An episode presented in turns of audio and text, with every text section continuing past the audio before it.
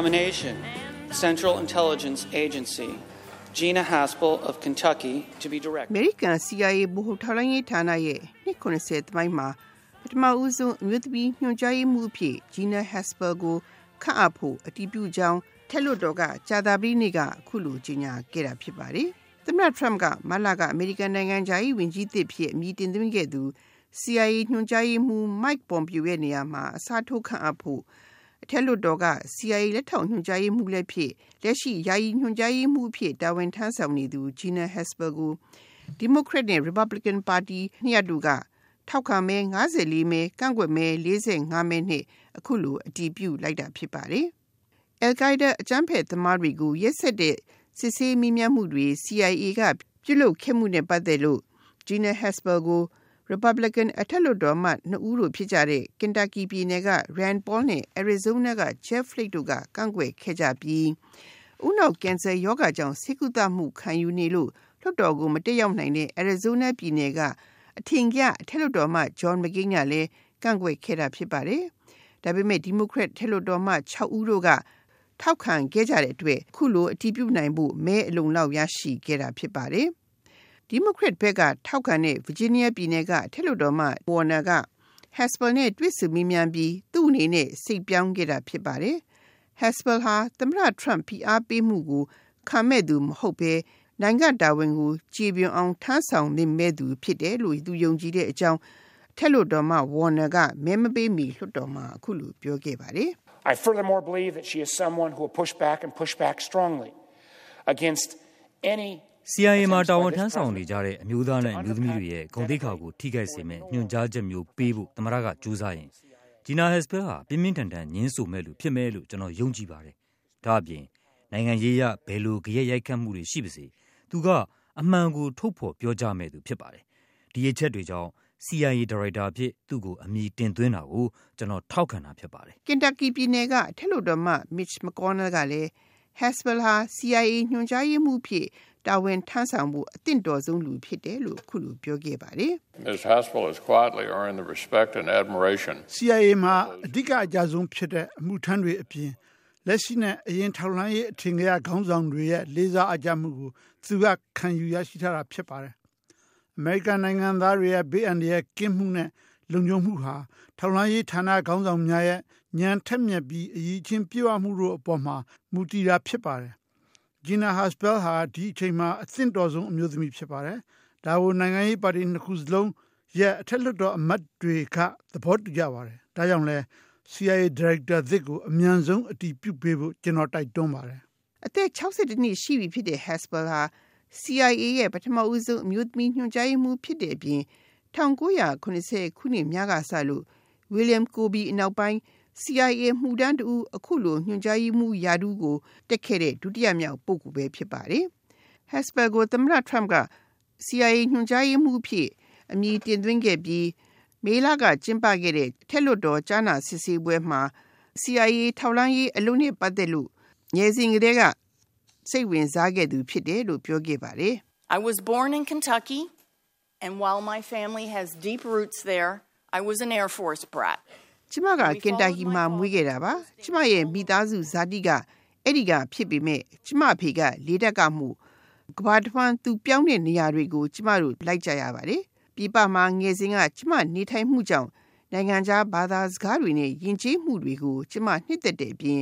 ပြပမှာအကြမ်းဖက်မှုတွေကိုတိုက်ဖြစ်ရမှာ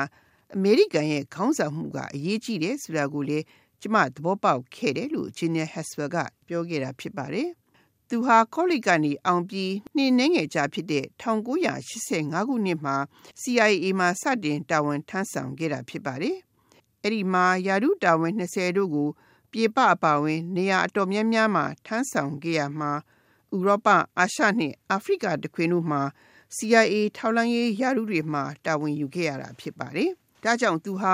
CIA ညွှန်ကြားရေးမှူးယာဒုအတွက်တင့်တော်ဆုံးဖြစ်တယ်လို့ဂျာသပတေးနေ့ကအထက်လွှတ်တော်ထောက်လှမ်းရေးကော်မတီဥက္ကဋ္ဌ Richard Burr ကခုလိုပြောခဲ့ပါတယ်။ I believe Ms. Haspel's experience, her dedication to service, and judgment make her a natural fit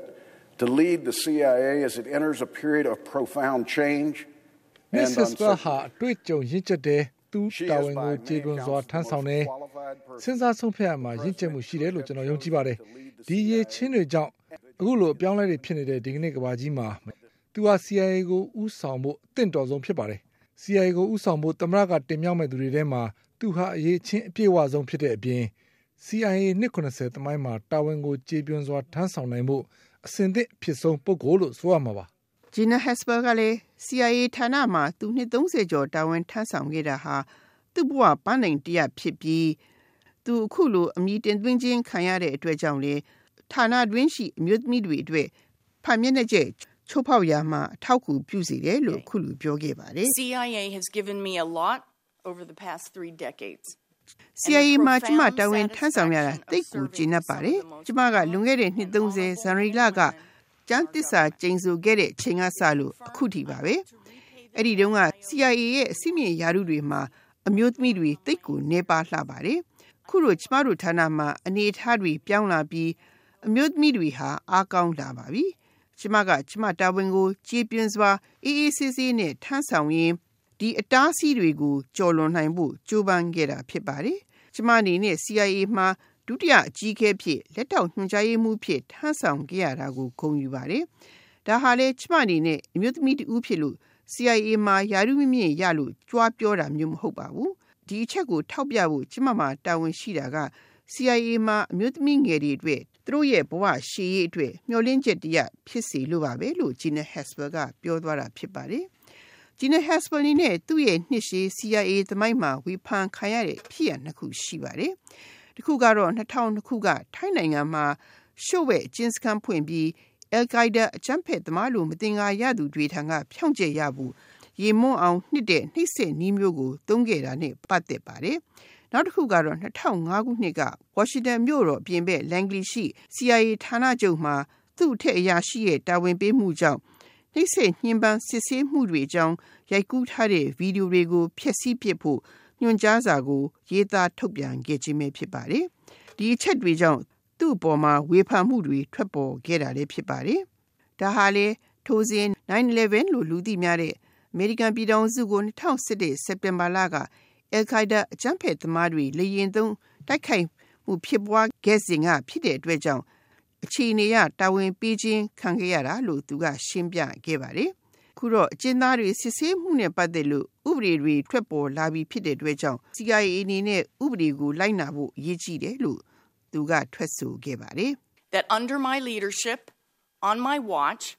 CIA will not restart ကျမရဲ့ခေါင်းဆောင်မှုကျမရဲ့တာဝန်ယူမှုအောက်မှာ CIA အနေနဲ့ဖမ်းဆီးအကျဉ်းချစစ်ဆေးတဲ့အစီအစဉ်မျိုးလုပ်မှာမဟုတ်ပါဘူး။ CIA အနေနဲ့အရင်ကအတွေ့အကြုံကနေသင်ခန်းစာခေါင်းတွေရခဲ့ပါတယ်။အဲ့ဒီတုန်းကအစင်သင့်မဖြစ်သေးပဲတာဝန်ပေးခြင်းခံရတာပါ။ကျမအနေနဲ့ CIA ကရတဲ့သင်ခန်းစာကိုအလေးထားပါတယ်။အဲ့ဒီတုန်းက CIA ကအကျဉ်းသားတွေကို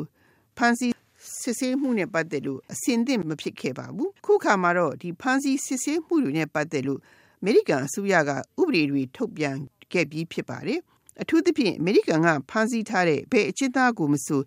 စစ်လက်ဆွဲစာအုပ်မှာခွင့်မပြုထားတဲ့နှိမ့်ဆက်ညှဉ်းပန်းမှုတွေကိုပြုလုပ်လို့မရပါဘူးကျမအနေနဲ့ CIA ဌာနမှာ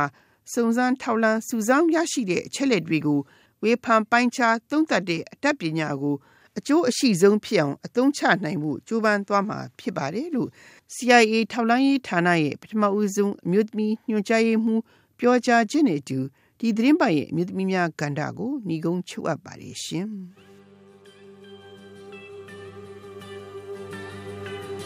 You can bend but never break me Cause it only serves to make me more determined to achieve my stronger.